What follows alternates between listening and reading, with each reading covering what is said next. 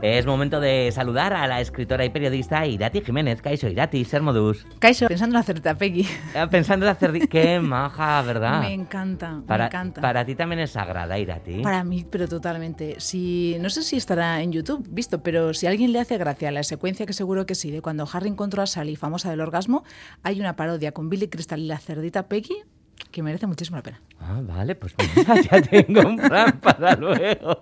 Vale, a buscarla. Me encantan los teleñecos, me encanta. Sí, jo, qué maravilla, qué maravilla. Son maravillosos. Yo los llevo en calcetines. Bueno, pero no vamos a hablar ni de calcetines ni de teleñecos. ¿De qué vamos a hablar hoy, Irati? Pues, ¿te acuerdas, os acordáis que la semana pasada hablamos de latinicos? Sí. O sea, expresiones o alocuciones latinas que han quedado en el castellano de habla común y repasamos pues algunas de las más curiosas. Dijimos que, de hecho, latinicos es una expresión que le habíamos robado pues al espectacular prólogo del Quijote, en el que Cervantes finge que habla con un amigo sensatísimo por lo demás, que le dice lo que tiene que hacer si quiere medrar en la literatura y conseguir buenas críticas para el Quijote.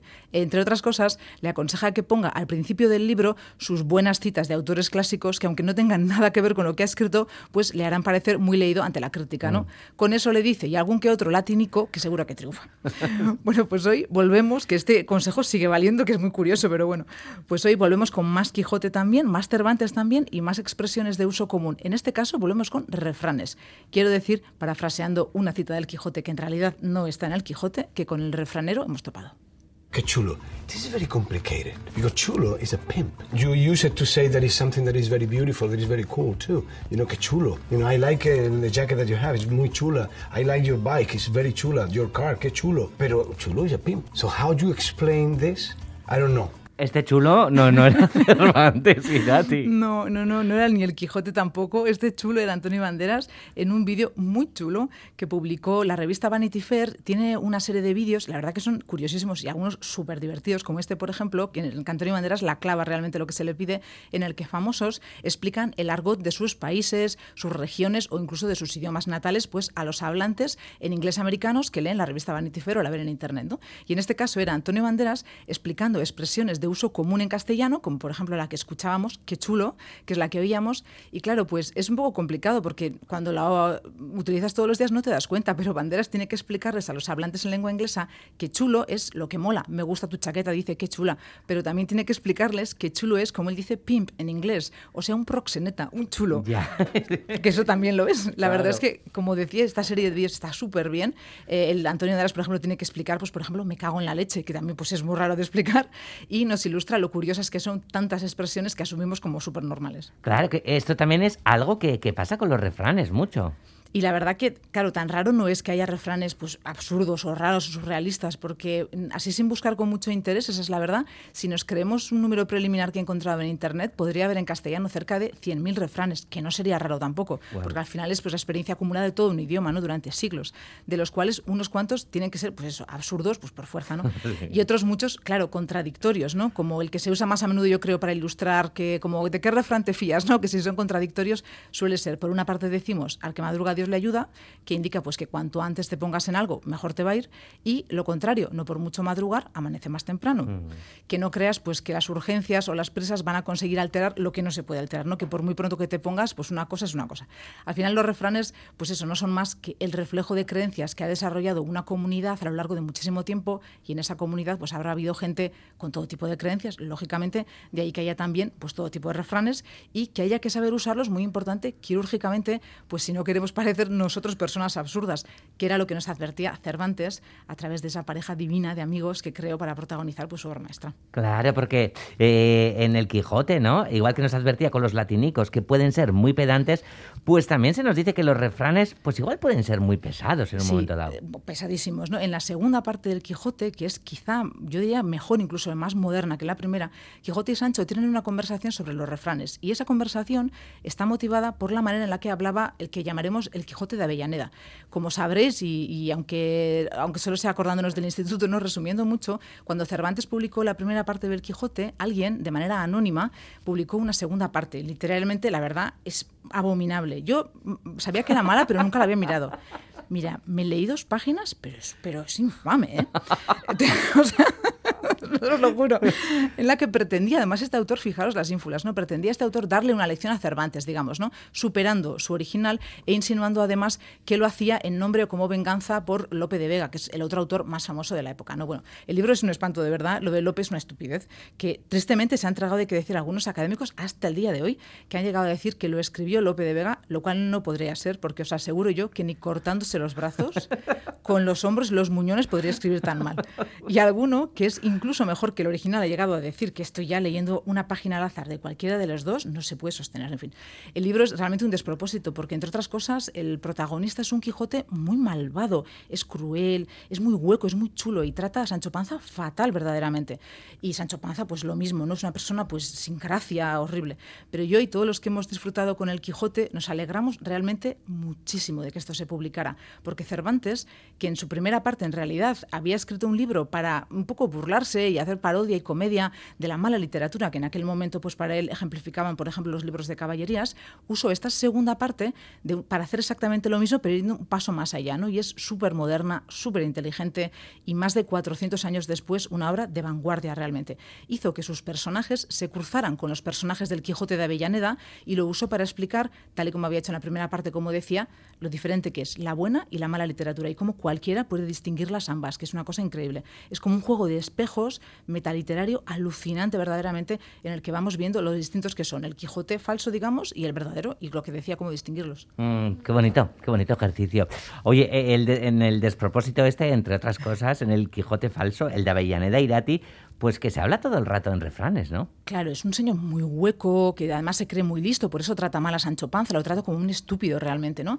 Y habla todo el rato, pues para hacer alarde de su supuesta presunta inteligencia, que se sabe que alguien es inteligente cuando alardea de ello, pues en lugar, habla todo el rato en refranes, ¿no? Y en lugar de hablar, pues los del Cervantes del Quijote realmente es un hombre pues encantador y el pobrecito pues es un poco cocolo y entonces habla pues una mezcla del habla normal de su época y luego imitando los libros de caballerías, ¿no? Y Sancho pues habla como hablaría un hombre de normal de su época y de vez en cuando también imitando al Quijote, ¿no? Para hacerse como el, el, leído, ¿no? En lugar de eso, pues los de Avellaneda, como decía, hablan muy hueco, pedante, muy vacío. Sancho, pues es un estúpido realmente, si es que eso existe, y Quijote es un malvado. Y en la segunda parte del Quijote auténtico, Cervantes hace que Sancho les imite, hablando todo el rato en refranes. Y Quijote, eso le enerva y le corrige todo el rato, ¿no?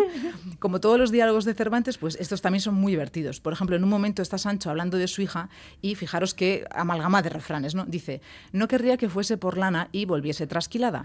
Y también suelen andar los amores y los no buenos deseos por los campos como por las ciudades, y por las pastorales chozas como por los reales palacios. Y quitada la causa, se quita el pecado. Y ojos que no ven, corazón que no quiebra. Y más vale salto de mata que ruego de hombres buenos. Y así el pobrecito hombre hasta que se ahoga, ¿no? Hasta que Quijote le dice, no más refranes, Sancho, pues cualquiera de los que has dicho basta para dar a entender tu pensamiento y muchas veces te he aconsejado que no seas tan pródigo de refranes y que te vayas a la mano en decirlos, pero paréceme que es predicar en desierto. O sea que Quijote también utiliza un refrán. Y efectivamente, eso es lo que le reprocha a Sancho cuando le oye decir lo de predicar en el desierto y le dice, paréceme que vuesa merced es como los que dicen, dijo a la sartén a la caldera, quítate allá, ojinegra, que hoy en día diríamos a sartén al cazo, ¿no? Estáme reprendiendo que no diga yo refranes y ensarta los vuesa merced de dos en dos. ¿Y qué le responde el Quijote a eso? Le dice, mira Sancho, yo traigo los refranes a propósito y vienen cuando los digo como anillo en el dedo, pero traeslos tú tan por los cabellos que los arrastras y no los guías. Y si no me acuerdo mal, otra vez te he dicho que los refranes son sentencias breves sacadas de la experiencia y especulación de nuestros antiguos sabios. Y el refrán que no viene a propósito antes es disparate que sentencia. Bueno, pues mira, no añadimos más sobre cómo usar los refranes porque a buen entendedor pocas palabras bastan. Este, por ejemplo, a mí me gusta mucho. Porque tiene una palabra mágica que es entendedor. No usamos jamás realmente, ¿no? Fuera de este contexto y es una palabra preciosa. A mí en general me gustan así los más absurdos realmente, ¿no? Los que tienen un punto un poco surrealista, seguramente porque igual han perdido el contexto original y entonces lo repetimos sin él, ¿no? Por ejemplo, pues ir como Pedro por su casa. O sea, pues estar a gusto en un sitio que en realidad no es el tuyo, pues como si fueras pues el dueño y señor de ese sitio. ¿A qué hace referencia? Pues por lo que he podido saber, a la batalla, fíjate hace cuánto, a la batalla de Alcoraz en 1096, cuando Pedro I de Aragón venció al ejército de Almustain II y se hizo con la taifa de Saragusta o taifa de Zaragoza. Pero no sé si yo, si saberlo, le da lo quita la gracia, fíjate tú. Porque yo oigo como Pedro por su casa y y te aseguro que toda la vida me he imaginado pues un fulano entrando en mi casa, tan campante, Pedro, y me hace mucha gracia. Claro, Pedro un pancho, ¿no? Es Claro, que- eso es un pancho, efectivamente. un Ahí con. Pedro por su casa. Claro. Así Hombre, imaginarme como un militar me quita un poco la gracia. Me imagino como un salao que vaya y entra en tu casa. Eso, es, claro, es que visualizar eso es súper chulo, ¿no? Súper Pero- bonito, sí. Irati, se ve que, que te gustan los refranes, digamos, con fantasía, ¿no? Sí, sí, si no tienen, pues ya ves que la- me la invento yo. que ya me había hecho yo una composición del lugar de Pedro en mi cabeza, pues súper graciosa, ¿no? O sea, que fantasía, efectivamente, surrealismo, eso siempre bien. Y luego, si salen personajes tipo Pedro, ¿no? Que no se sabe quiénes son, cuanta más fantasía hay, también. Siempre me ha gustado muchísimo Rita la Cantabra, por Oh. ejemplo, ¿no? Lo decimos como tan normal. Si no quieres ir a un sitio, bueno, ni de palo dices que va a ir Rita la Cantabra, Sí. que no sabes quién es en tu vida y arreglado, ¿no? Este refrán, realmente el refrán al parecer no se sabe exactamente cómo se originó, pero sí a quién se refiere. Se refiere a Rita Jiménez García, más conocida como Rita la Cantaora, que nació en Jerez de la Frontera, en Cádiz, en 1859, o sea que este refrán, y fue una cantadora de flamenco famosísima en su época que yo quiero pensar que se apuntaba a todas. Claro, claro, hombre, y, y- y seríamos felices conociéndola Hombre, de esta de si a un parranda. sitio dices tú que no va ni Rita la Cantaora, era porque iba todo. Claro, eso es. Bueno, o sea que Una Rita. maja. Una, una majísima tenía que ser Rita. Rita, Pedro, ¿no? O sea, a ver si hay personajes Es raros. que ya sale mucha función aquí de teatro, me gusta mucho esto. Pero totalmente. Es que me- estoy visualizando una función de teatro con todos estos personajes. Ay, qué bonito. Sería el refranero en, en función, ¿no? Sería, sería muy chulo. cuidado, cuidado, ¿eh? Cuidado que a ver aquí de lo que sale, de Grafriki. Ah, eso es de Grafriki total, descarado que sí. Claro, ah, con personajes raros a ti ya te conquistan, Irati. Claro, ya cuando aparece la literatura vamos a decir, pues ahí me tienen, ¿no? O que dibujen, por ejemplo, imágenes pues poderosas, ¿no? Por ejemplo, me encanta ese- la gente que dice que algo sea como un Cristo con dos pistolas. Mm. O sea, que es una cosa que realmente no pega nada, ¿no? Que es una imagen magnífica y yo la visualizo todas las veces que oigo un Cristo con dos pistolas, me imagino a Jesús de Nazaret con dos pistolas y ya me aparece un personaje que es personajazo, porque también imaginarte a un Cristo con dos pistolas me encanta, ¿no? O tener, como se dice en Sevilla, por ejemplo, maravilla, más sueño que una cesta de gatos chicos al lado de una estufa. Oh, qué que bonito. tú piensas esto y te entra sueño. Sí. Yo no soy muy del sueño, pero esto me entra sueño solo de pensarlo. la verdad es que frente a esto digo que es de Sevilla, frente al genio del lenguaje de Sevilla, pues la verdad que poco se puede competir. Este refrán me lo sé por mi amiga María, sevillana, pues sevillana como Cernuda Becker, en fin, ¿no? El genio de Alexandre de Velázquez. Ella más graciosa que todos estos, pero sevillana y tiene expresiones siempre inmensas. La última que me ha regalado para expresar que algo se ha ido a la mierda, que me encanta es se jodió Madrid. Así, sí. Así, sin más. Se jodió Madrid. Ya ha venido no sé quién, se jodió Madrid. Se capta muy bien también. Bueno, hablando de Sevilla, por cierto, que de ahí tenemos un refrán de fantasía súper famoso que usamos eh, desde chiquis. Sí. El famoso, el que se fue a Sevilla, perdió su silla. Fantasía total que usamos como tan normal. Por lo que he podido averiguar, el origen de la expresión fue una pelea real entre dos hombres por el arzobispado de Sevilla. O sea que tan fantasía no era, era más o menos real, ¿no? Que eran tío y sobrino además. El primero en ocupar el puesto, que era el tío, se marchó a Santiago de Compostela, pues a un recao o lo que fuera, y cuando volvió su sobrino le había quitado el cargo. Se dice que de ahí se originó el refrán, ¿no? De modo que en realidad tendría que haber sido el que se fue de Sevilla perdió su silla, pero ha quedado en el que se fue a Sevilla. Y luego se le han añadido, pues, en distintos sitios, distintas segundas partes, digamos, algunas que no tienen referencia geográfica. Por ejemplo, quien fue a Sevilla perdió su silla, quien fue y volvió la recobró o la encontró. Otras, una referencia geográfica muy local, que siempre tiene su gracia. Quien fue a Sevilla perdió su silla y quien fue a Morón perdió su sillón. Oh, qué bonito. O quien fue a Padrón o a Aragón perdió su sillón. También quien fue a Sevilla perdió su silla y quien fue a Jerez la perdió otra vez. Oh. Pero mi favorita, que no es geográfica, es quien fue a Sevilla perdió su silla, quien fue y volvió, a garrotazos se la quitó. Porque ahí aparece el twist sobrenatural que dices, madre mía, y de pronto un señor a garrotazos. Ya, pues se jodió Madrid, ¿no? No se jodió Madrid. bueno, es que con los refranes hay tantas variaciones que es verdad que también es muy fácil perderse, Irati. Sí, muy fácil. Mira, por ejemplo, lo que le preguntaban hace unos años, en 2016, al humorista catalán Berto Romero en el programa de Andreu Buenafuente. Hola, buenas, Berto. Soy Oscar de Sevilla. Mi pregunta es, ¿por qué dicen no por más barrer amanece antes? Muchas gracias. ¿Por qué dicen no por más barrera amanece antes? No sé, porque no se saben bien el refrán, a lo mejor. Fíjate, Claro. Claro. fíjate, fíjate a ver si también dicen a quien más barre Dios le ayuda. ¿Es un barrendero quien te lo ha dicho? ¿Un barrendero que hace el turno de mañana? Yo he llegado a oír, a cada cerdo le llega su San Fermín, Sí. a la ocasión la pintan malva a la vejez verrugas, todo eso lo he oído yo, y a caballo regalado nos chutamos todos gratis. Este lo he oído yo. es que... Glorioso. Es, es glorioso, es glorioso. A mí, a la ocasión la pintan malva, me gusta mucho porque te hace pensar en el refrán original, ¿no? Que es a la ocasión la pintan calva, que también es muy raro. Esto es como una amiga, mi amiga Ruth, que nos contó una vez, que me hizo muchísima gracia, que ella pensó durante mucho tiempo, pues de cría o lo que sea, que el actor Al Pacino se llamaba en realidad Al Pacino. que claro, como dice ella, hombre, una vez que te sabes Al, pues vale, ¿no? Pero como dice ella, también es muy raro Al Pacino, lo que pasa es que te has acostumbrado, ¿no? Pues esto es igual. El, el refrán original de a la ocasión la pintan calva, pues es muy raro, la verdad. Debe de venir, eh, con esta explicación he encontrado, aunque la verdad que no sé si me ha convencido del todo, pero bueno, que había una diosa romana llamada Ocasión y solía representarse con melena por delante, digamos, y calva por detrás. Como si se hubiera ido donde la peluquera del Goyerri de vaya semanita.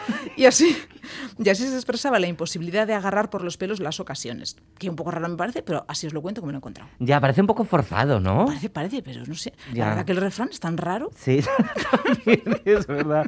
Bueno, otro refrán muy de fantasía y precioso sería a buenas horas mangas verdes. Precioso. Sí. La primera vez que piensas en él dices, ¿qué? ¿No? ¿Qué es esto? Un refrán que se usa para censurar que se llega tarde pues cuando todo esfuerzo es inútil o que no tiene ya sentido, ¿no? Al parecer, y por lo que me dice Cervantes Virtual, que es una gran página web y el sitio ideal para el día de hoy, existía desde la Edad Media la Santa Hermandad como cuerpo de soldados que iban en cuadrillas y que debían velar, al parecer, por los delitos que se cometían fuera del recinto de las ciudades. Pero claro, muchas veces pues no actuaban a tiempo, en cuyo caso los malhechores quedaban impunes, por lo que su retraso llegó a ser objeto de crítica como es normal y de lamento. Como su uniforme llevaba las mangas de color verde, dio lugar a la expresión a buenas horas mangas verdes. Ah, a veces es mejor no saber el origen, ¿verdad? Es una tontería, aunque también me imagino que estos señores con sus mangas verdes han hecho gracia. Sí, sí, estos sí son salados. Yo Oye, me las apaño enseguida. Por cierto, Irati, que tú, claro, como navarra de adopción, seguro que has aprendido unos cuantos refranes en Navarro. Mira, he aprendido sobre todo uno, que sé que a mí que el Sotor era mucha ilusión que lo recuerde, porque ya hace muchos años que me mudé con la Iruña, pero creo que el carné de navarridad, que es una cosa harto difícil, me lo gané cuando aprendí cuándo se deben comer los espárragos. El de abril para mí, el de mayo para el amo y el de junio para ninguno. O sea que se acabó la temporada. Se acaba la temporada, claro. Esa es la mala noticia. Oh, bueno, pues eh, para abril del año Volverá que en viene. abril, Eso efectivamente, muy eso bien. es. Con, con las aguas mil. Oye, muy, eh, refrán muy útil para, para cocineros, por que es que supuesto. me viene súper bien, me tiene súper bien entrenada como es. y así, eh, Navarros también me gusta porque expresa muy bien, voy a decir, la, la fuerza, la mostrenquitud, si se quiere, ¿no? Del carácter navarro tan bonita. No me toques los cojones por la mañana, que vengo de Fustiñana, que es variación de no me toques los cojones, que vengo de Mendimiar. Ya. Y que es una utilísima, la he oído aquí muchísimo y me encanta. Y hablando de genitales, yo no sé si es navarra la expresión o si me ha tocado a mí oírla aquí ya de mayor, digamos, pero la verdad que me gusta mucho y creo que expresa muy bien lo que quiere decir que es algo muy útil, que es básicamente expresa después de visto todo el mundo es listo, ¿no? Pues eso mismo se puede expresar diciendo visto los cojones, macho. Claro. O sea, una vez que ha ocurrido algo, pues ya sabemos, todo el mundo se apresura en decir, no, sí, claro, ya se sabía. No, no, perdona. Visto los cojones, macho, pero antes es muy difícil. De este tipo, o sea, si mostrengo con animales, tengo yo uno, digamos, también inventado que a mí me gusta mucho, que es eh, cuando una cosa es muy larga de explicar, te da mucha pereza decir follándome a la vaca. Que viene... que viene de un chiste y nos está quedando un poco así grosero, pero nos disculpará la audiencia que otras veces hablamos de poesía y estas cosas. Sí, bueno, hay, días. Pero, Sí. pero de un chiste. A ver, Irati, pues, hombre, el chiste vas a tener que contar. Me da un poco ¿no? de vergüenza porque con mucha gracia no lo cuento, pero bueno, es un hombre que está ordeñando. El chiste es muy bonito, realmente tiene mucha fantasía. Es un pobre hombre que está ordeñando una vaca, pero le da todo el trabajo del mundo porque la vaca te da, le da constantemente con el rabo en la cara, entonces no le deja ordeñar. Entonces el hombre decide subirse a una banqueta, coger el rabo y atarla a una viga, pero cuando lo está haciendo se le caen los pantalones y en ese momento entra un amigo, lo ve detrás de la vaca con el culo al aire y le dice, pero ¿qué haces? A lo que el hombre, pues mirándole la pinta, mirándose a sí mismo la pinta que tiene y lo poco creíble de la situación, le dice, pues chico, follando mala vaca, ¿por qué no me vas a creer? Hombre, claro. Así Es de claro. La explicación es mucho más breve y Hombre, convincente. mucho ¿Dónde mejor, vamos? Claro que sí. Luego, total, yo que a veces follando mala vaca. Los refranes con animales también tienen su gracia, ¿no? Sí, Gabriel. Es que visualizar el ejemplo, momentito es, muy bonito. Claro, es muy bonito. Y Sí. el hombre me parece un hombre muy sano, o sea, una actitud muy saludable ante la Sí, vida. Total, sí. ¿qué más dan lo que Y piensen de ti? y tanto. Me gusta mucho así de animales Ajá. también, por ejemplo. eh, con estos bueyes hay que arar, me, así de las normales, digamos, de sabiduría popular, me gusta mucho, porque mira, perdemos mucho el tiempo quejándonos, ¿no? En lugar de aceptar. Y a veces hay que trabajar, pues bueno, con peores materiales, vamos a decir, pues con estos bueyes hay que arar. Y me gusta también así de animales, eh, por supuesto, el tradicional cría cuervos y te sacarán los ojos, que ya casi se ha convertido en tradicional el cría cuervos y tendrás muchos, Sí. que es una verdad realmente como un templo, que sería, digamos, el contrario de a quien a buen árbol se arrima, buena sombra a la vecina. Uno sobre la conveniencia de tener, conjuntarse con gente maja y el otro sobre, pues, no dar mucho carrete a los canallas porque de repente miras en la habitación y dices, madre mía, en la que me he metido, que es lo mismo que decir, quien con crío se acuesta, mea o se levanta. Claro, es que estos son como buenos consejos. Pero, Irati, no todos son tan convincentes porque alguno que, que te guste menos seguro que hay. Hay uno, mira, me ha parecido siempre espantoso, esto lo comparto también con mi amiga Ruth, mira, el- me parece que hay pocas frases más bajoneras en el castellano que más vale malo conocido que bueno por conocer. Es, me parece, la bajona personificada. Lo peor es que creo que, que indica muy bien la actitud que tenemos a veces, ¿no? De no querer cambiar algo simplemente por miedo, porque, porque estamos mal y estar mal pues te quita al final las ganas de todo, ¿no? Pero el refrán nos indica que lo que viene es bueno y lo que tienes es malo y aún así te dice, no, no, confórmate con lo malo, que es mejor. Es una cosa Ya. muy loca, ¿no? Eh, yo personalmente soy bastante más de la actitud de no hay mal que por bien no venga, que además creo que es verdad, siempre que sepamos aprovecharlo dentro de un contexto, pero vaya, es decir, que de los obstáculos yo creo que aprendemos y de las dificultades, si las encaramos, por supuesto, pues con honestidad y con lo que nos han hecho sentir de verdad y lo que nos ha pasado de verdad, pues nos enfrentamos y sacamos fuerza para cambiar lo malo y quedarnos con lo bueno.